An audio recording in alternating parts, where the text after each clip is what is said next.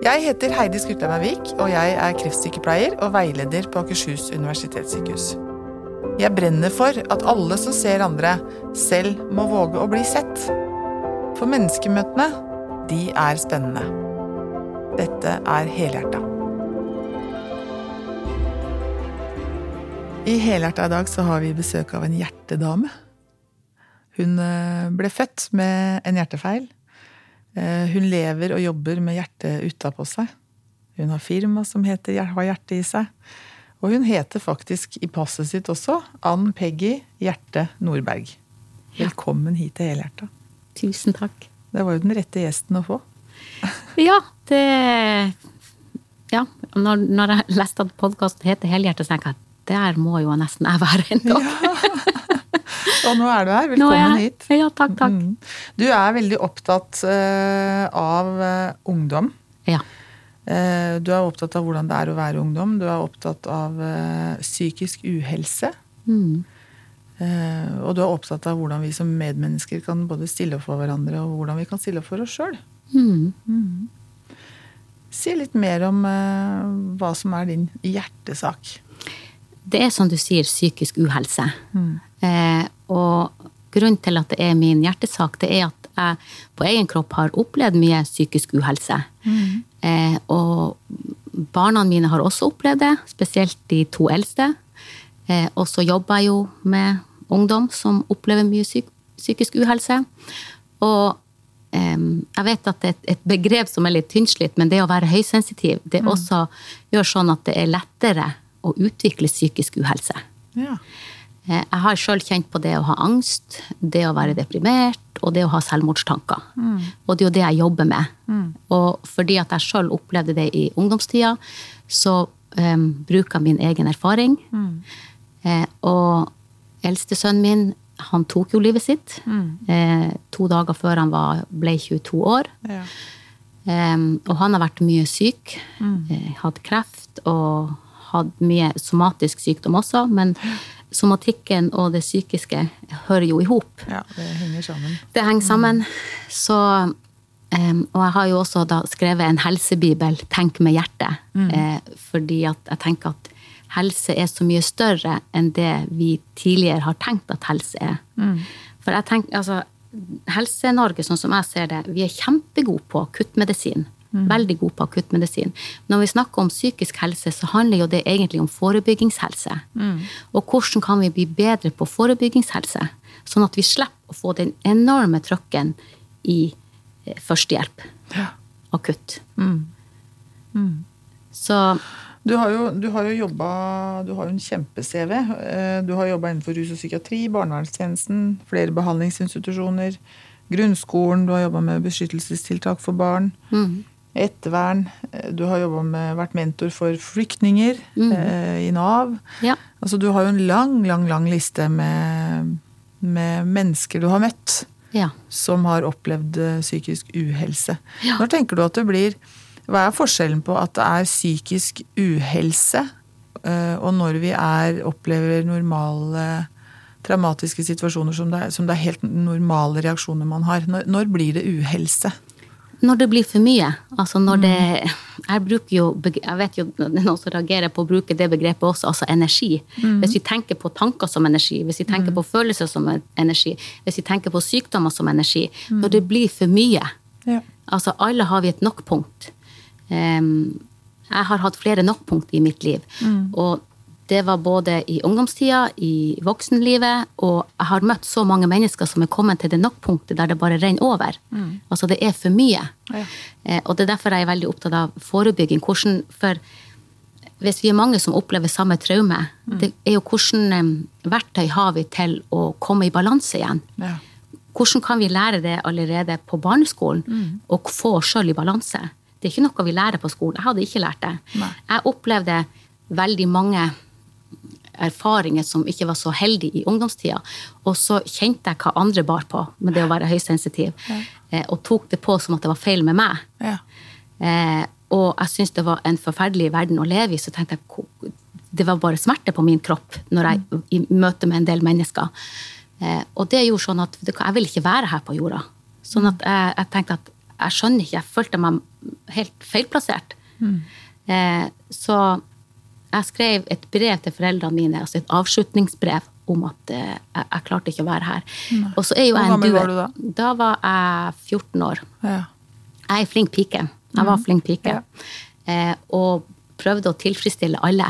Eh, og uansett hvor mye jeg gjorde, så var det aldri godt nok. Eller det var ikke nok. Så det var overload. Jeg prøvde i min egen familie, på skolen og i alle omgivelser som jeg var. Og det tror jeg veldig Eller jeg Ja, opplever at det er mange unge mange kjenne seg igjen Ja. Ja. Sant? Du, du prøver fordi at alle har vi godhet inni oss. Absolutt alle vil vi godt, selv om vi ser mye ekstremiteter og vold og sånt. Da er vi gått langt fra kjernen i oss. For egentlig mener jeg at vi alle har Hvis vi kommer fra hjertet, så er vi bare godhet. Men det å være flink pike og flink gutt når du, når du opplever at du gjør alt i din makt, men likevel er det ikke godt nok, Ja. på en måte. Så det førte til at jeg klarte ikke det her, fordi at det, det, det var liksom ikke godt nok. Og hva, hva gjør jeg her? Det, det var ikke tilstrekkelig. Hvordan møtte foreldrene dine deg da? Ikke så veldig bra da. Nei. Nei, de visste ikke hva de skulle gjøre, så de sa at ja, men da må vi kanskje bare oppsøke psykiatrien. Og det var jo i seg sjøl at da var det jo noe galt med meg. Ja. Så da fikk jeg jo bare høre at da var det noe feil med meg. Så Og det er jo, men jeg tenker det er jo en naturlig reaksjon hos foreldre Ja. å tenke at da skal jeg ha hjelp av, BUP, da, som vi har i dag. Eh, når, du, når barnet ditt kommer med et sånt brev. Hvordan tenker du at foreldre som hører på dette her, skal møte barnet sitt eh, som kommer med, en sånn, med sånne tanker? det å virkelig lytte, og ha tid til å lytte. Eh, ikke bare på ordene, men når, når vi kommer dit, så, så har vi allerede gått over noen sperrer med å eh, Vi har lukka hjertet vårt, for, for å si det sånn. Jeg lukka hjertet mitt som femåring. Fordi at eh, jeg var høysensitiv som barn og tok inn veldig masse. Og når jeg sa det, så fikk jeg høre at det måtte jeg ikke gjøre, for det var ikke akseptert å føle så mye som jeg gjør. Altså, jeg følte veldig mye. Og for å tilpasse meg verden, eh, så måtte jeg lukke meg sjøl. Jeg måtte um, slå av følelsene mine. Og når vi slår av følelsene våre, så blir vi syke. Det blir ubalanse. Sånn at som femåring så gikk jeg inn og lukka mitt eget hjerte. Og det som skjer da, etter at vi lukker vårt hjerte, da begynner kroppen å bli drar mot sykdom. Sånn at i ungdomstida så var jeg mye syk. Eh, jeg var svimmel og hadde ekstremt sterke mensensmerter. Eh, og utvikla etter hvert fem ryggprolapser, altså somatisk. Men jeg mener jo at det hjertet, når hjertet lukker seg, når du må tilpasse så mye, så kommer somatikken etterpå. Ja.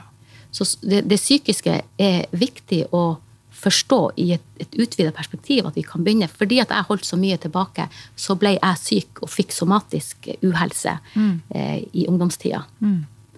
Så um, Hva, hva var det som hjalp for deg?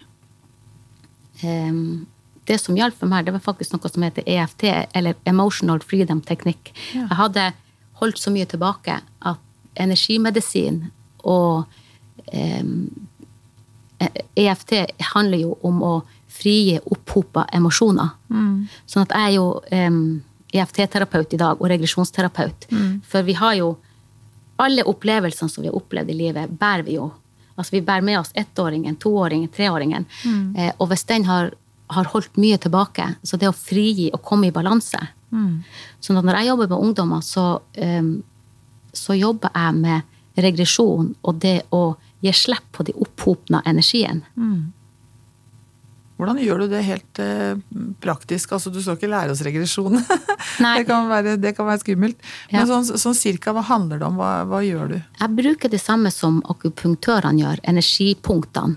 Så jeg tapper på energipunktene mens jeg bruker regresjon. Og regresjon betyr jo tilbake i tid. Ja. At du går tilbake til traumene, og så gjenopplever du dem.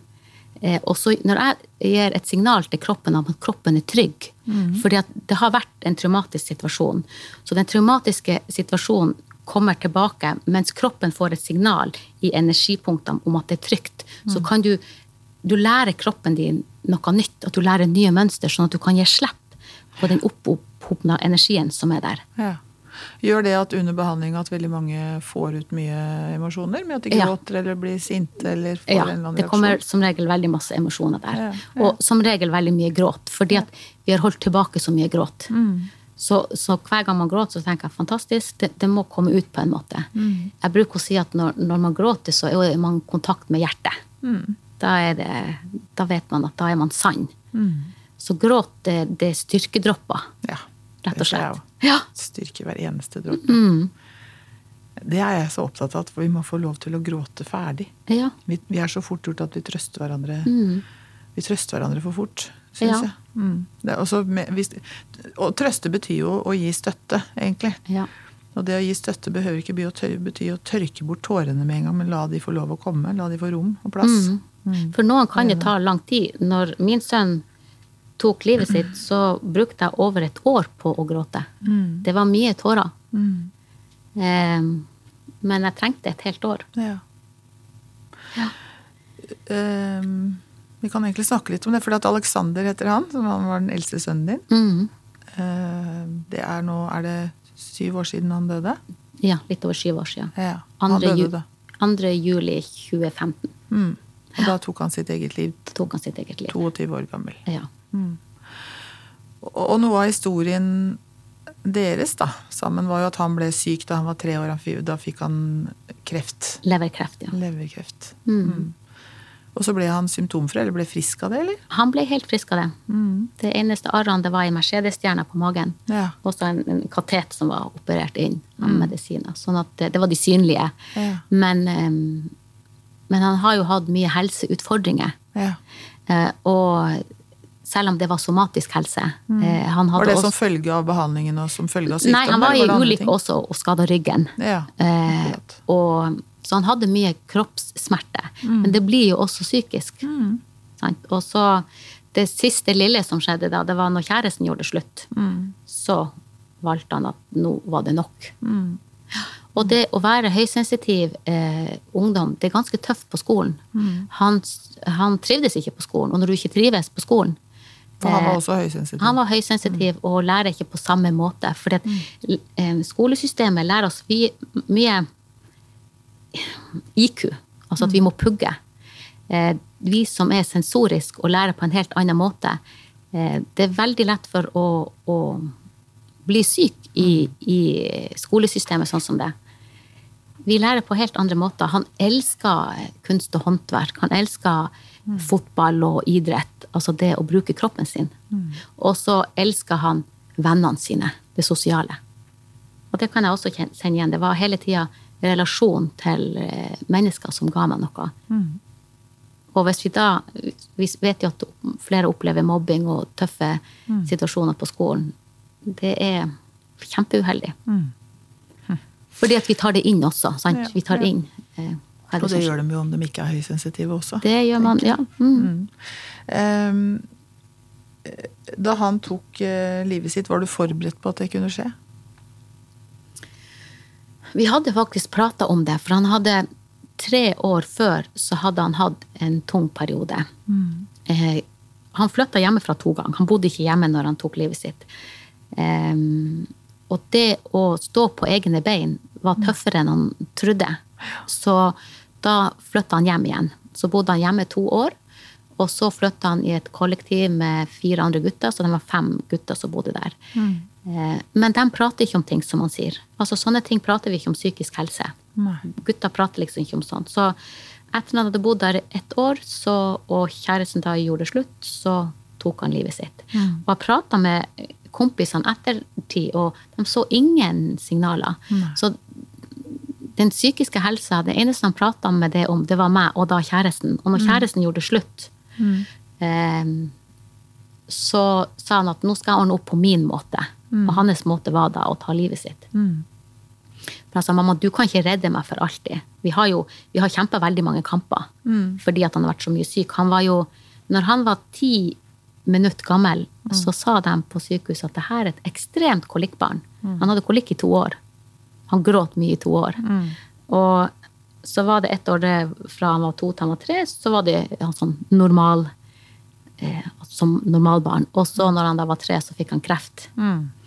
Eh, og så har han hatt veldig masse lungebetennelse. Mm. Veldig med feber og slått helt ut av lungebetennelse helt til han var tolv år. Så han har hatt mye sykdom. Eh, så det var det han kjente til. Og hans store lidenskap, det var fotball. Og fordi at han også hadde en skade i ryggen, så, så måtte han hele tida velge. Eh, når han trente for mye, så fikk han kjempemasse smerte. Eh, og hvis han holdt seg tilbake, det ønska han ikke. Så det var den hele tida denne avveininga. Og til slutt så, så ble han så god i fotball også at han måtte velge mellom profffotball eller eh, lekefotball. Og fordi at han besvimte på fotballbanen, pressa seg så hardt at han besvimte, så måtte han til slutt velge bort det han elska mest. Og det gjør jo også noe med det. Så han hadde mange tap. Han hadde mange tap. Hadde du, hadde du mye skyldfølelse? når barnet ditt tar livet sitt, så er det uunngåelig å, å ha skyldfølelse. Så det hadde jeg, både jeg og søsknene og faren, vi har gått mange runder med oss sjøl. Hvis vi hadde sagt det, hvis vi hadde gjort det. Hvis, Så det Ja. I, i mange omganger. Um, og som jeg nevnte litt før vi startet her, at jeg måtte Ja, eller jeg sa det at jeg måtte Jeg gråt i et helt år. Ja. Uh, og jeg ble også syk, og jeg tillot meg sjøl å bli syk, for jeg fikk feber, og jeg skalv, og jeg rista. Altså hele kroppen min um, var i ubalanse for å komme i balanse. Ja. Eh, Så, så den skyldfølelsen, og det også, og spesielt den ene broren, eh, den var, veld, den var to søsken som var veldig nær. Ja. Han tok det kjempetøft. Eh, altså, vi alle gjorde det, men, men han sleit voldsomt.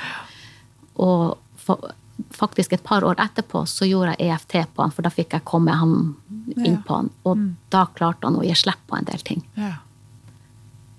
Men før det så hadde vi Vi um, fikk time hos kommunepsykolog. Eh, og to av barna gikk i, i, hos kommunepsykolog. Og det var Det var ikke så støttende, egentlig ikke. Nei. De ble bare litt fortvilt og sint, fordi at jeg, jeg, skal, jeg må bare si det sånn som det er, sånn som vi har opplevd det. det. Eh, ja. Eh, Vi var en time hos kommunepsykologen, og så opplevde jeg at hun ikke var emosjonelt tilgjengelig. Hun var kjempegod på statistikker og kunne fortelle perfekt om statistikker og hvordan det var, hvor mange som ble syke og prosentavdel. Men jeg opplevde ikke at hun var emosjonelt tilgjengelig, så jeg tenkte at jeg kan ikke gå til henne. Men jeg trengte hjelp til barna mine, for jeg prøvde jo å være der for dem. Og når det rakna for meg, og jeg Så du ikke hadde klarte det fire barn til? Og det, ja, fire bare det barn. Ja, til. har, har fem barn. Så tenkte jeg at jeg må bare ta den hjelpa jeg, jeg får. Så de begynte å gå hos henne. Og da opplevde jeg at de begynte å bli mer og mer bitter og ble veldig sånn sint. Ja. Så da ringte jeg henne etter en stund og lurte på hva det var hun gjorde, for at jeg opplevde at hun ble bare bitter og bitter. Eh, så sier jeg, hvordan eh, verktøy gir du dem for, for å gå gjennom det her, sånn at de kan komme i balanse? For det er jo sånn jeg jobber. Nei, det var ikke hennes eh, Det var ikke sånn hun jobba. Hun måtte bare lytte. Eh, og ville helst ikke prate med meg om det. Eh, og grunnen til det, det var det at hun mente at det måtte være noe med meg som mamma. Så det her med skyld. Hun mente at det var min skyld at min sønn hadde tatt livet sitt. Oi, oi, oi. Så hun eh, De har jo sagt i ettertid at ja, men det var det vi snakka om, at det måtte være noe med meg som mamma. Så en ting er det at du, du opplever at det, du tar skylda på deg i dine egne tanker. Men når du får skyld ifra helseapparatet, at det er din feil Ja, selvfølgelig, altså Der vi er i oss sjøl, påvirker jo barna våre. Men så hun sendte jo da en bekymringsmelding til barnevernstjenesten. Eh, fordi at det måtte være noe feil med meg, siden sønnen vår hadde tatt livet sitt. Og det ble jo mer eh, Enda mer stress Enda i mer, vårt liv. Ja, smerte. Ja. Eh, sånn at det var jo et kaosår, Ja. for å si det sånn. Sånn at eh, når vi egentlig trengte hjelp, så følte vi faktisk at vi ble dolka i ryggen når vi var på våre svakeste. Og det her er jo kompleks, eh, fordi at han Alexander tok jo livet i 2015, og som jeg nevnte til deg før vi starta, i 2013 fikk jo jeg beskjed om at eh, min helse var eh, tynnslitt med to syke barn, sånn at eh, jeg kom mest sannsynlig til å dø. Hjertet mitt sto og banka sånn drrr, i et par måneder. Så jeg var jo kjempesliten. Det hadde vært for mye. Lite søvn. Eh, du, som mamma så strekker du deg utover alt. Eh, og så når han, Alexander da tok livet sitt, så var jo jeg ganske sliten. Mm. Altså, da prøvde jeg å begynne å bygge meg opp. Da hadde jeg kommet over det at ok, jeg overlever. Mm. Men jeg måtte lære meg å leve på en annen måte. Mm. Sånn at når, når da i 2013 jeg fikk beskjed om at jeg mest sannsynlig ikke kom til å overleve, så ba jeg barnevernstjenesten om hjelp. Ja. For jeg tenkte at ok, de blir sittende igjen med en pappa, mm. jeg kommer til å stryke med. Mm. Så jeg sendte bekymringsmelding på meg sjøl. Ja. På alle mine barn. Mm. Det er tøft gjort. Ja, altså Jeg så ikke noe annen vei. Jeg fikk beskjed om at jeg kom til å dø, og det kjentes ut som at nå kommer jeg til å dø. Jeg har gjort alt i makt for mine barn, jeg har gjort alt det jeg kan, men det var ikke godt nok. Altså På nytt opplevde jeg det at det var ikke tilstrekkelig. Um, og da kom de hjem til oss og mente at jeg hadde mer nok omsorgsevne og var god nok forelder, så de kunne ikke hjelpe oss. Så det ble henlagt. Mm. Eh, og når da Alexander tok livet sitt, så snudde de det om. Da var det noe galt med meg, så da kom de på mot, så da skulle de på en måte ta meg. Mm. De, brukte, de, brukte, din sårbarhet mot, ja. mot deg sjøl igjen. Ja. Så jeg opplevde at da begynte jeg å klare å hente meg, jeg, jeg var på mitt laveste i 2013. Ja da, da, var jeg virkelig på altså Da var jeg helt det, Da tok jeg øynene om at nå klarer jeg ikke mer. Mm. Eh, og så når jeg begynte å klare å bygge meg opp i 2015, så da tok han Alexander livet sitt. Så det ble jo, da ble det et nytt slag, da. Men og i det her, når de da skulle ta eh, omsorgen for mine, de to jentene, mm. så ble det kjempebelastende. Mm. Så Derfor følte jeg at hjelpeapparatet virkelig svikta når jeg trengte. Både når jeg søkte hjelp sjøl, og etterpå. Mm. Å få de Og vi har Jeg opplever at veldig mange har lett for å tenke at når det er angst, depresjon og selvmord, at det må være noe med foreldrene. Ja. At vi må finne en syndebukk. Mm. Og det er kjempeuheldig. Ja, det er veldig uheldig. Ja. Så jeg har vært veldig mye syndebukk, og med det så, så blir det uhelse. Mm. Og jeg tror at veldig mange sensitive kjenner, føler seg som en syndebukk. For det kan jo iallfall jeg kjenne igjen, og mange av dem jeg har jobba med, føler at de bærer både seg sjøl, familien, eh, venner. Det er overload. Mm. Ja. Så, så, det er komplekst. Veldig, veldig komplekst. Veldig. Så jeg har opplevd å, å, å ha erfart mye uhelse. Mm. Blitt ikke bevisst, men fordi at systemet er sånn som det er, så, så så rammer det oss. Det blir for mye. Mm. Jeg tenker litt på det der med å hjelpe Du jobber jo i hjelpeapparatet enda i en barnevernsinstitusjon noen ganger, og andre ganger jobber du andre steder. Altså du jobber litt eh, flere steder, og du har mm. eget firma. Mm. Um, for jeg tenker det før det blir uhelse, da, den forebyggende arbeidet um, det, det, burde jo være et tilbud som alle får som får barn, eller alle som eh, er ungdom eller er barn. Altså det burde være, burde være et fag på skolen, tenker jeg, det der med å leve med livet. Altså hvordan blir det å leve? Utfordringer, det komplekse, alt som skjer. Ja. For at vi skal unngå den trenden med at vi blir Vi trenger mer og mer og mer hjelp. Mm. Alle har jeg inntrykk av. Ja, altså hvordan kan vi få til forebyggingshelse og ikke bare akutthelse? Ja. Og det starter jo allerede i mors mage. Ja. Tidlige leveårene. Eh, å lukke hjertet ditt som femåring, som jeg gjorde, det er rett og slett uheldig. Mm. Hvorfor må barn lukke hjertet sitt? Mm. Og det, vi har et storsamfunn der vi skal være på én måte. Mm. Um, sånn at, og det også å lære på barneskolen og ungdomsskolen hvordan fungerer jeg? Mm. Fordi at jeg måtte um, jeg hadde på en måte ikke lov å være meg sjøl. Det var det jeg, fikk høre. At jeg, det er ikke lov å være høysensitiv. Nei. Det er fy-fy. Mm. Og jeg har virkelig kjempa mange saker for mine barn også på skolen, fordi at de også er høysensitive. Mm. Eh, og da blir det bare sett på de karakterene og det som vi lærer, som rett og slett gjør sånn at, at, barn får angst og depresjon og blir syke. Mm. Og det er ikke for å skylde på noen, det, det, men, men, skolesystemet er dessverre bygd opp sånn at vi gjør barna våre mer syke. Mange, vi vil være flinke, sånn som jeg er flink pike. Mm, mm. Vi er veldig mange flinke piker og flinke uh, menn. Mm. Og vi blir så flinke at vi, vi nesten tar livet av oss sjøl. Mm. Vi, vi, vi, styrer dit et. Jeg har hatt mange psykologistudenter også i min, min egen praksis som eh, vil ta livet sitt. Fordi at det er sånn press.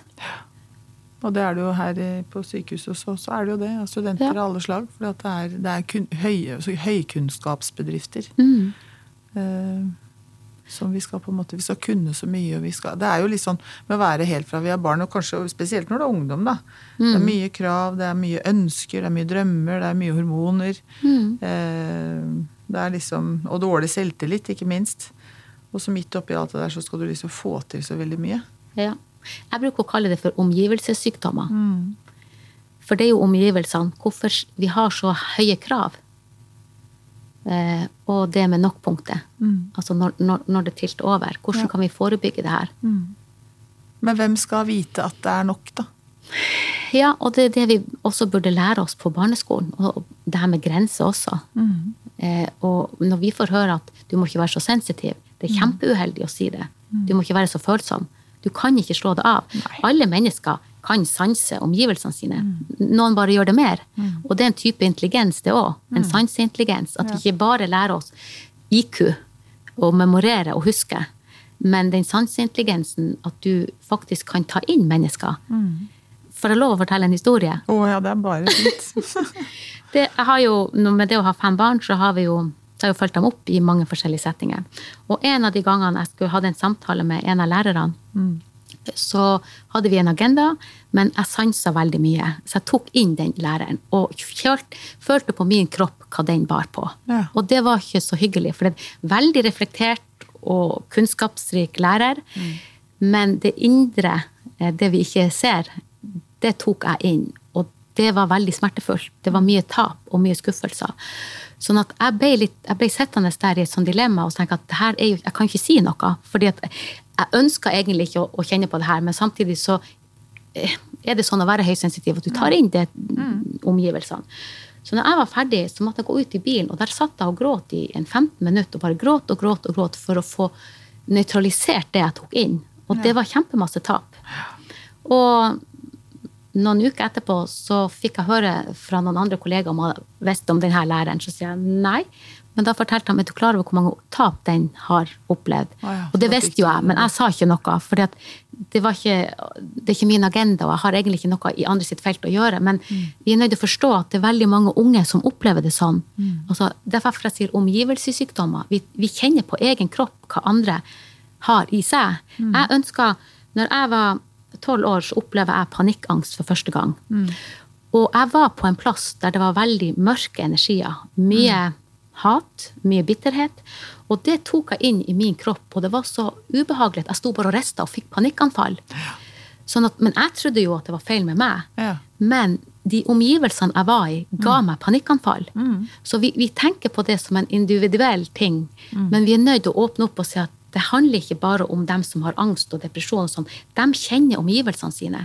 Så vi er nødt til å begynne å tenke på det som omgivelsessykdommer. Ja. Så det er ikke bare dem som bærer symptomene sin feil. Nei. Vi henger i hop med, med klassen vår, med, altså på skolen, med arbeidsplassen vår, med familien vår. Hele, hele habitatet vårt, for å si det sånn. Habitat. Jeg tenker Når du sier alle forteller dette her, da, og tegner det bildet som du gjør nå, så tenker jeg åh, hvor enormt viktig det er at vi snakker sammen. At vi forteller at 'nå har jeg det sånn'. Og at Og det blir trudd. Ja. Og det tenker jeg er liksom den ypperste formen for empati er ikke bare at vi skal ta inn og finne, finne løsninger for hverandre, men vi må også Jeg tenker det å bli trodd på er kanskje det aller, aller viktigste å bli møtt med. Ja. Og hva trenger du at jeg skal hjelpe deg med for at du skal komme For at du skal tåle det, på en måte? ja, eh, det er jo veldig mange ungdom som selvskader seg sjøl. Og hvordan kan vi hjelpe dem på bedre måte? For Ja, de har jo ja. De er over eh, the overload. Ja. Hvordan kan de få eh, finne andre måter å møte det her på?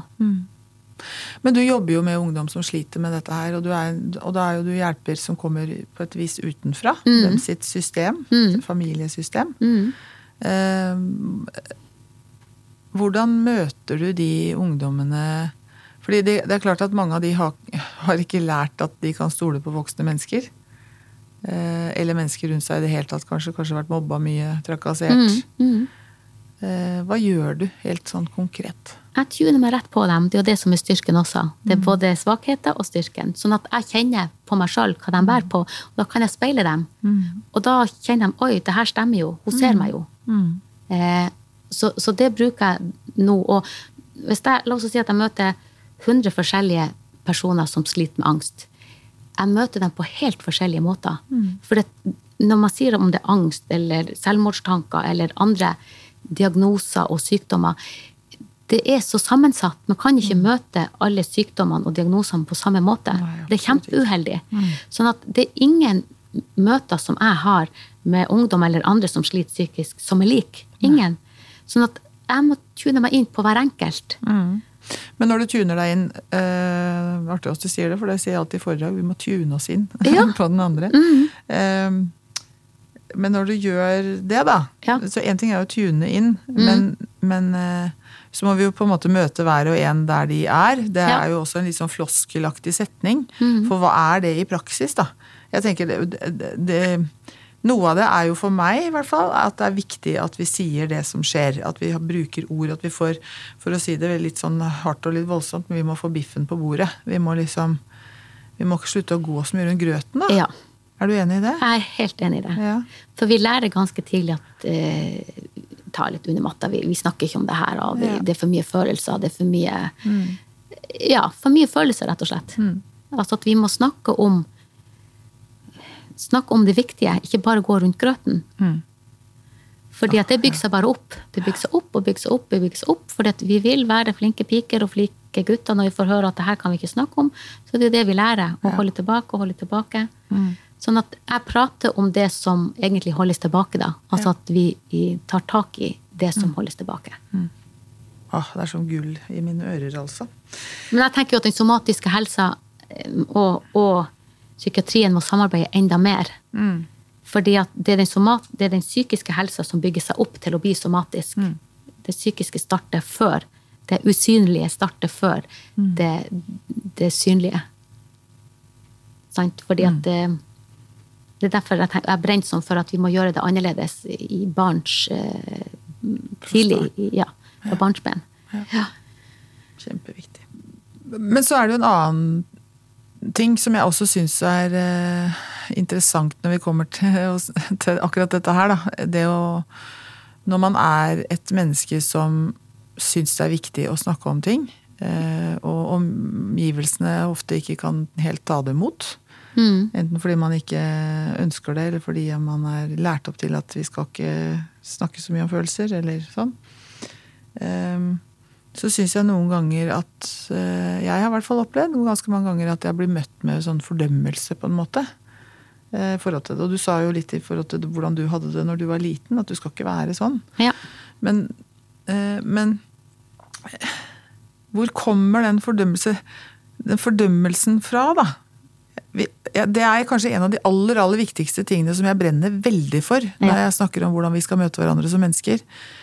Eh, Så er det jo det å ikke dømme andre menneskers livsvalg, ikke dømme andre menneskers eh, eh, tanker og meninger og osv., så, videre, så lenge ikke det skader noen.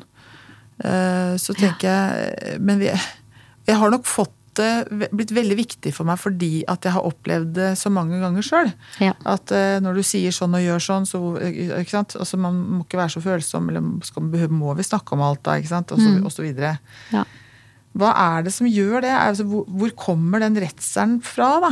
Er det, er det jantelov, eller er det redsel for Altså, hva er det? det er jo som du sier, det er redsel.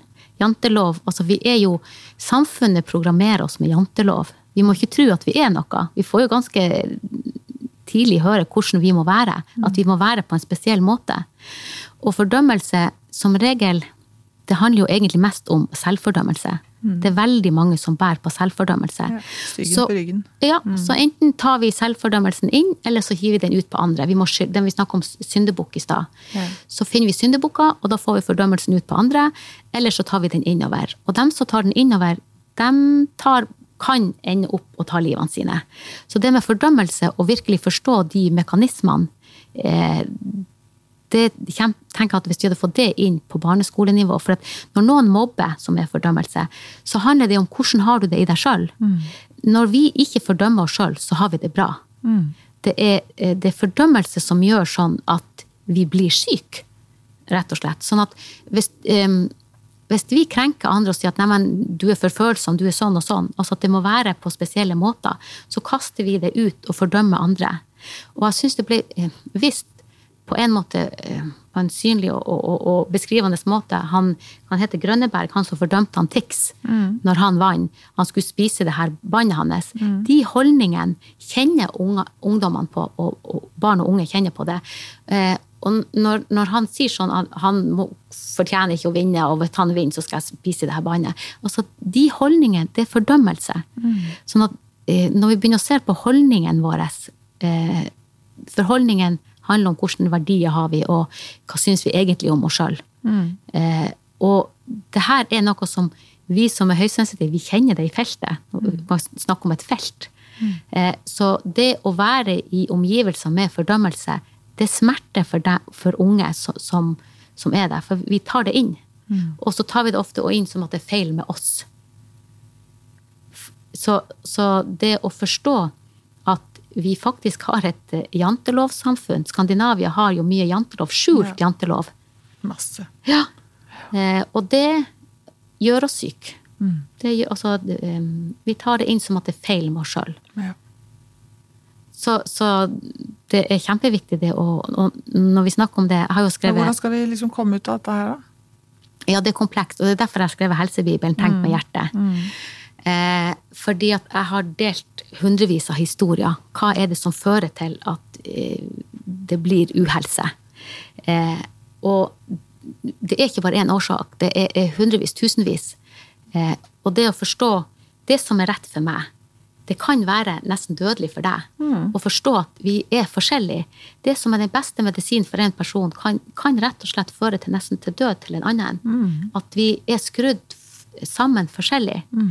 Og det å, uh, å respektere andre, mm. istedenfor å fordømme og sette oss over og tenke at neimen, jeg ser bare ut med mine briller. Og sånn som jeg ser, det er det rette. Når jeg tenker at min sannhet er den rette, og alle andre må tenke sånn som meg Altså, det er like mange virkeligheter som vi er mennesker. Mm. Og jeg har mitt univers, og du har ditt univers, og har respekt for hverandre sitt eh, univers. Mm. Og prøve å forstå. Ja. Og da må vi undre oss litt. Da må vi undre oss litt. Som jeg sa til deg, jeg er veldig glad i den sokratiske metoden, eller han mm. Sokrates som Han undrer seg mye. Mm. Hvordan kan vi undre oss og, og, kjenne på egen kropp og tenke at ok, sånn fungerer for meg, jeg ser at du reagerer sånn, men det forstår jeg ikke. Og tørre å prate om det. Mm. Hvordan er det for deg? Senest i helga så, så, diskuterte jeg med mannen min et par ting, og han sa oi, opplever du det sånn? Mm. Ja. Og ennå har jo Bibel over 30 år. Ja. så ja. Eh, og det å prate, og dialog, mm. og, og, og, tørre å prate om alt. Ja, det er kjempeviktig. Ja. Men det er vel det at det er vanskelig for mange å snakke om alt. Som gjør at det blir liksom fordømmelse rundt eh, Eller fordømmelse Det at man ikke ønsker eh, å gå inn i det, eller tør, eller våger, eller orker, eller men vi har jo et konkurransesamfunn, at vi hele mm. tida skal være best. Mm. Hvis vi heller hadde snudd tankene våre og tenkt at ok, jeg har den styrken og den svakheten, og du har den styrken og den svakheten, hvordan kan vi komplementere hverandre? Ja. Utfylle hverandre? Ja. Det er det at vi hele tida skal Hvis du ser på konkurranse, hvis du går ned i, i bunnen av konkurranse, så handler det om frykt. Ja. At vi må være best for å klare oss. Mm. Sånn at eh, hvis du, hvis du, går helt ned til beina av følelser, så handler det jo om gode følelser og dårlige følelser. Ja. Og skal du være best, så er det jo at ok, jeg må være best. Det handler om overlevelse igjen. Mm. At vi, vi, trykker på overlevelsesmekanismene våre. Og det kan vi alle kjenne på, at vi er redd for å dø. Ja. Og når, når, vi trykker på det og frykt, eh, som vi ser mye av, eh, mm. sykdom, smerte, mm. det er den polariteten og det vi ikke vil kjenne på. Ja. Mm. Ja. ja det, det, det, her er veldig komplekst. ja, det er veldig, og det er veldig interessant. Um, du sa, når jeg snakka med deg litt på forhånd, så sa du at vi har for snever forståelse, sa du. Uh, mellom I forhold til hva som skjer med altså sammenhengen mellom sjel og sinn. Mm. Jeg tenker det her går jo litt sånn inn på det. Eh, det er en del av det, eh, det, det vi snakker om nå. Eh, og så er det så mye, mye mer. Den der for du, du snakker om hvor viktig det er å ha, prøve å finne denne harmonien mellom sjel, sjela vår og sinnet vårt. Mm. Kan ikke du si litt mer om det? Ja, når vi snakker om sjel og sinn, er jo litt det med definisjon. Jeg, opplever at vi har lett for å henge oss opp i definisjoner. Mm. sånn at når jeg prater om sjela, så prater jeg ofte om hjertet. Eh, og sinnet, når vi snakker ofte om sinnet, så snakker vi om at det kanskje er i hodet. Men Ja. sinnet tenker jeg på hele kroppen. Altså at hvis jeg har vondt i stortåa mi, så, så merker jeg det i hele kroppen. Um, sånn at uh, sjela uh, tenker jeg bare da som hjerte. Og jeg tenker at når vi, vi utvider forståelsen av hjertet, så henger på en måte både hjertet og sjelene i hop. At det er et større felt. Ja. Fordi at hvis du har vondt, eh, eller hvis du, du har utfordringer, så, så merker jo jeg det. Sant? Det å være høysensitiv, vi tar inn andre mennesker. Sånn at hjertet og sjela kjenner at det er ubalanse. Så derfor, når, når du kommer fra hjertet, så vil du bare godt. Så hvordan kan vi em, alle se på hverandre som søstre og brødre? Fordi at jeg er begynt nå å skifte min persepsjon i forhold til å se alle som søstre og brødre, for det som påvirker deg, og som påvirker alle i verden, påvirker meg også. Altså, jeg tar inn elendigheter. Eh, og når noen gjør det veldig bra, så gråter jeg av glede, for det er også min glede. Så hvordan kan vi egentlig støtte hverandre mer, istedenfor å konkurrere og, og krige og krangle? Eh, at vi ser på hverandre som søstre og brødre, at din glede er min glede. Og at vi kan utfylle hverandre, fordi at jeg er ganske kjent nå med mine svakheter. Jeg har flere svakheter, og så vet jeg også mine styrker. Ja. Men, men fordi at vi er lært opp i et jantelovsamfunn, så skal vi ikke si våre styrker. fordi du må ikke si at du er god til noe. Nei, Men vi er alle gode til noe. Alle har vi gaver og styrker. Ja. Eh, sånn at hvis jeg tør å være ærlig på mine gaver, og, så si at, ja, men, og samtidig si at mens jeg er ikke så god på det, og så kan du kanskje være god på det som jeg er svak på, så kan vi utfylle hverandre.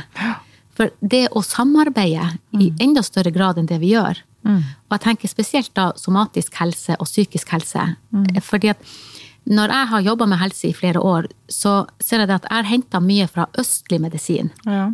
Eh, Så jeg, jeg jobber jo som energimedisincoach også, har tatt utdannelser i Amerika. Eh, Så jeg praktiserer veldig mye østlig medisin. Og østlig medisin er god på eh, mental helse. Så hvordan kan vi gjøre hverandre gode? Altså ikke at det ene er galt og det andre rett, men vi kan hente litt fra alt.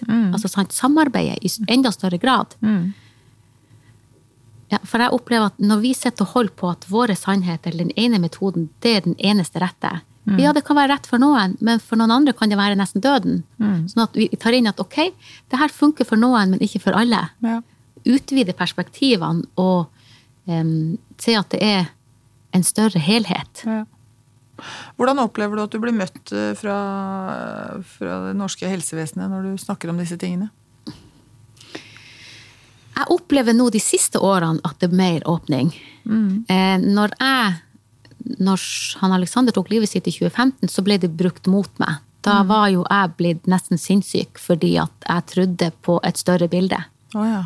Sånn at da følte jeg at det ble brukt mot meg. Mens jeg opplever at det har skjedd noe med ganske mange etter at covid Altså at folk har fått tid til å reflektere og prøve å Ja, men det må være noe mer. Det her med meningsperspektivet. Ja. Å få mening inn. Fordi at for mange er det ikke nok å bare overleve lenger. Vi trenger ei mening med å være her. Ja. Og som høysensitiv så er det kjempeessensielt. eh, Meningsperspektivet.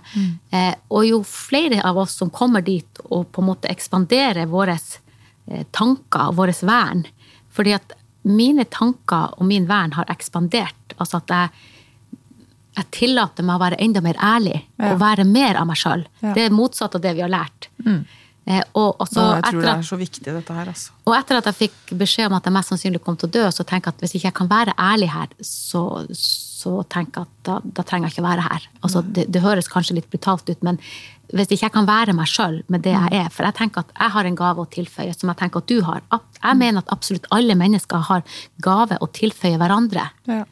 Eh, Men da det å komme til ærlighet, at vi tør å være sånn som vi er, essensen vår. Mm. Og at vi er bra nok. Og at vi er bra nok. Mm. Og mer enn bra nok. Ja. Ja, det her med kjærlighet. Hjertet er jo kjærlighetssenteret vårt. At vi kan være gode med hverandre. Mm. Hvordan kan vi være mer gode med hverandre? Og løfte hverandre fram. Mm. Istedenfor å tenke at jeg må være bedre enn deg for å overleve. For da er vi på overlevelse igjen. Mm. Det er mer enn nok goder eh, til alle. Mm.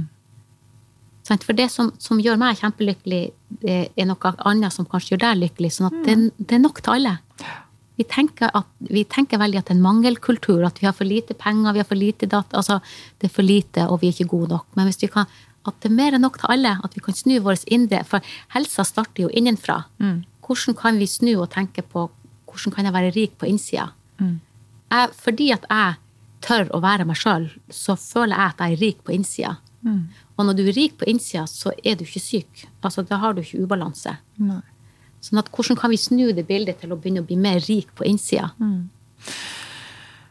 Veldig spennende. Og så tenker jeg litt også så da, at når vi, hvis vi blir helt ærlige med oss sjøl, eh, hvis vi greier å leve ærlig fullt ut, eh, så kan det jo av og til bli utfordrende å være andre i møte med oss, da.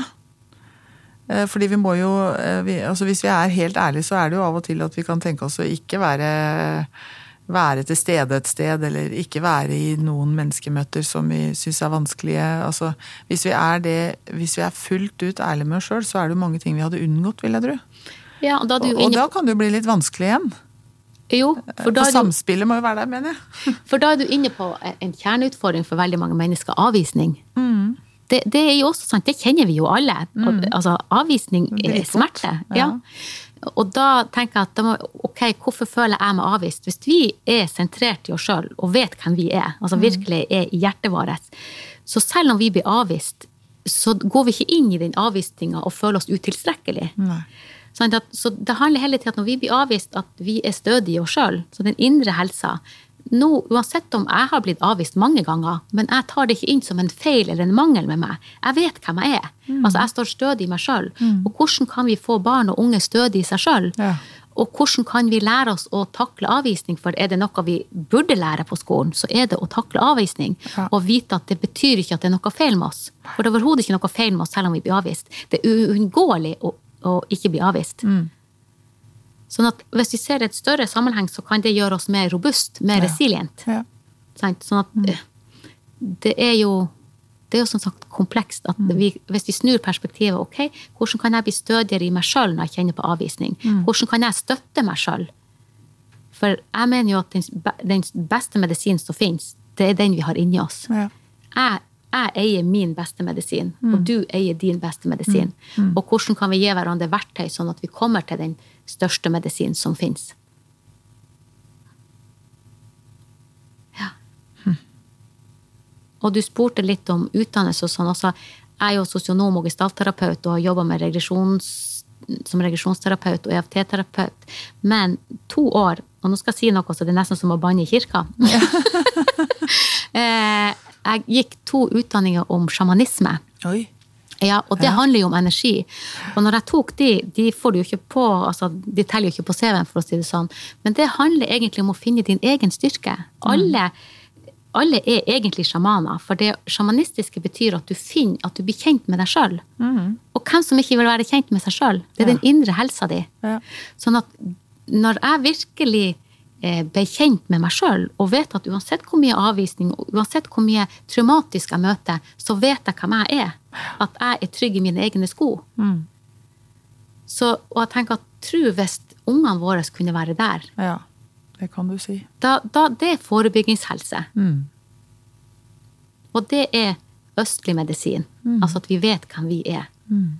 Uansett hva vi møter. Mm. Jeg tenker at det er sånne vik viktige peptalker vi må ta med barna Ja. våre. Ungdommene våre. har du hørt om begrepet ubuntu? Eh, Ja, det har jeg hørt før, men det har jeg glemt hva er. Ja, Ubuntu det, det er jo en, en afrikansk filosofi. Ja. Jeg er fordi du er. Ja. Altså at det er et Det fellesskap. Ja. Sånn at eh, min glede er din glede, og din sorg er min sorg. Mm. Ja. Så Ubuntu. mm, Det er sånn det burde ha vært. ja. Oi, oi, oi, du er en klok dame. Virkelig. Takk, det var jo hyggelig. Jeg håper jo at vi kan, kan fortsette denne eh, samtalen den 11.11. Mm. på Litteraturhuset. Ja. Fordi at da kommer jeg til å gjøre noen øvelser som prater til hjertet. At når vi åpner hjertet, så står vi uansett tryggere. Og hvordan kan vi samarbeide i enda større grad? Mm. Så jeg håper jo at vi, hjelpeapparatet i Norge kan åpne enda mer opp, sånn at vi kan komplementere hverandre ja. bedre. Mm. Så jeg håper at så mange som mulig har mulighet å møte opp da på Litteraturhuset 11. 11. november. Ja, 11. november. Um, jeg må jo spørre om det også før vi begynner å runde her. Men, eh, fordi at du har jo mye med deg fra det vi kaller den alternative verden, på en måte. Ehm, det, jeg hører du har mye av den tankegangen. Samtidig så jobber du jo i eh, vårt helsevesenssystem. Mm. Hva gjør det med deg? At du øh, er det, er det bare en rikdom at du greier å hente inn det beste fra begge verdener? Eller, eller kjenner du på veldig mye motstand og, og kjenner mye på de utfordringene? Hva, hva er det som fyller deg mest? det at det som, som vi tenker på som alternativ, kaller jeg nå østlig helse. Altså østlig medisin. Fordi at vi, vi sier at det er alternativ, men det er jo det som gjør sånn at jeg står i helhet av meg. Ja. Før så fikk jeg høre bare altså det vestlige tankegang, at det var det eneste. Men det ble mangelfullt. Ja. Sånn at jeg ble jo syk av det. Det hjalp ikke meg. Jeg kom ikke i balanse før jeg integrerte østlig medisin. Nei.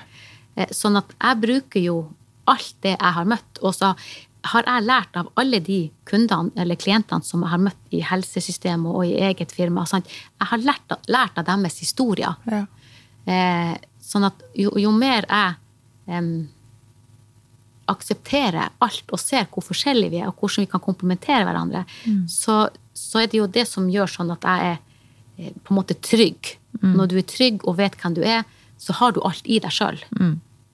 Altså, da, da lever du bare i nu, fra, fra, fra nå til nå til nå. Altså, du er tilstedeværelse.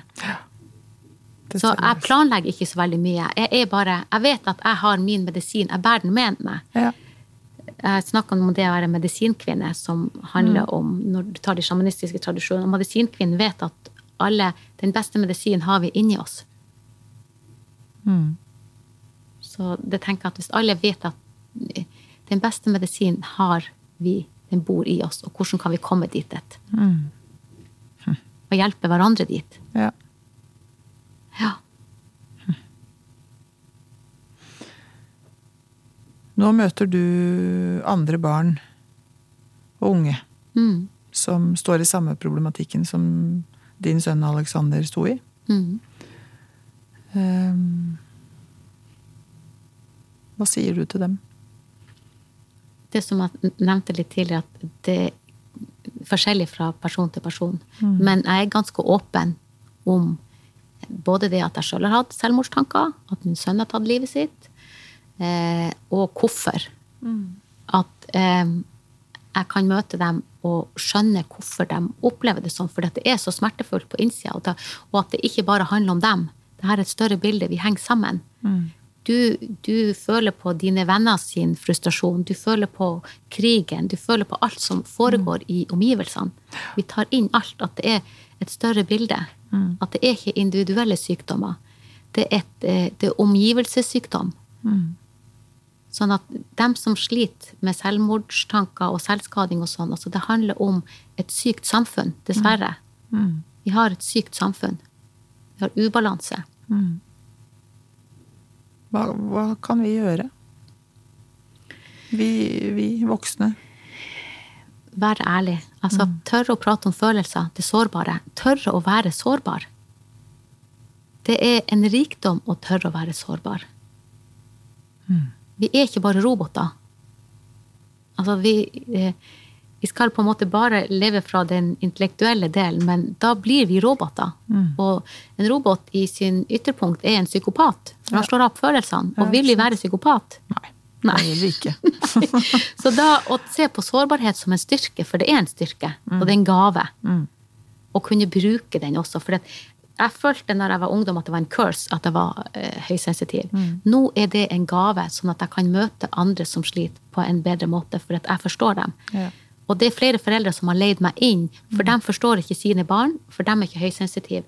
Og jeg har hatt én time med dem, og så får de livansgivende oppsnudd fordi at de forstår seg sjøl og skjønner at mye handler også om tankefeller, Ja.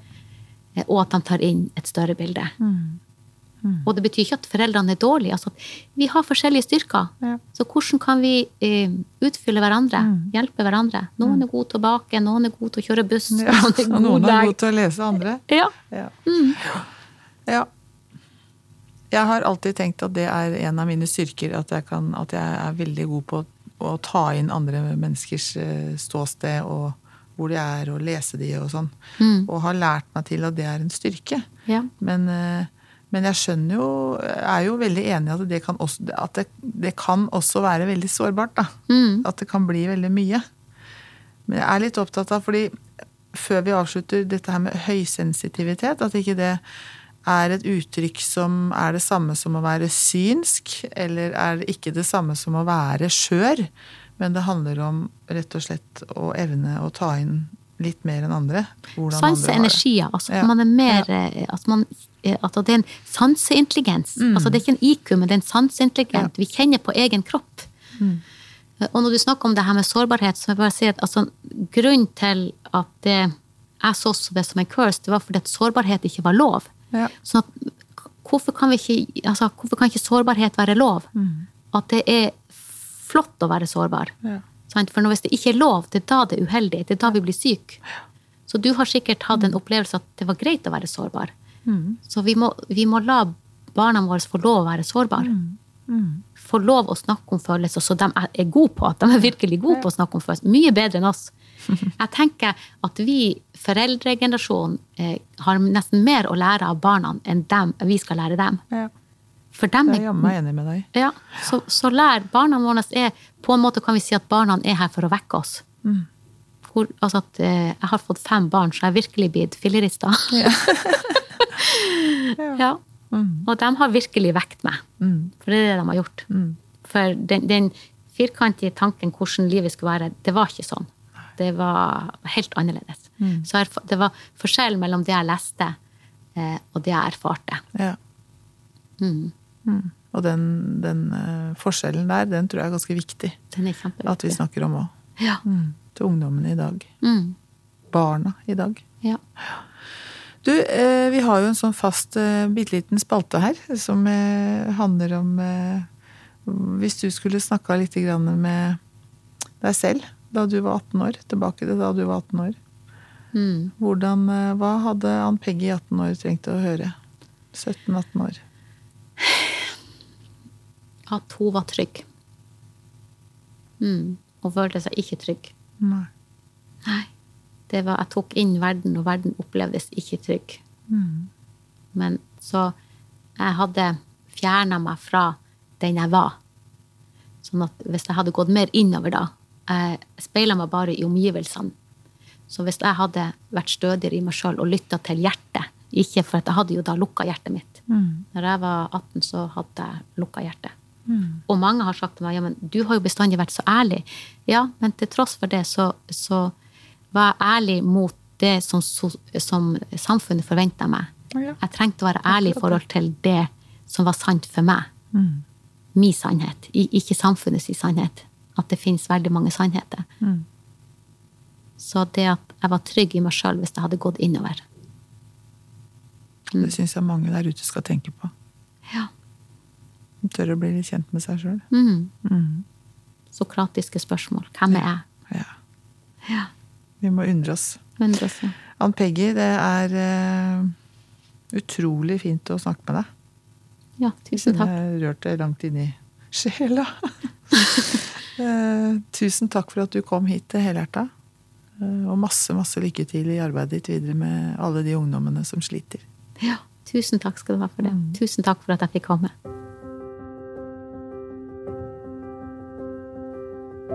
Helhjerta er en podkast fra Kompetansebroen, en digital plattform for kompetansedeling i helsetjenesten. Personer som blir omtalt i pasienthistorier, er enten anonymisert eller har gitt samtykke til deling.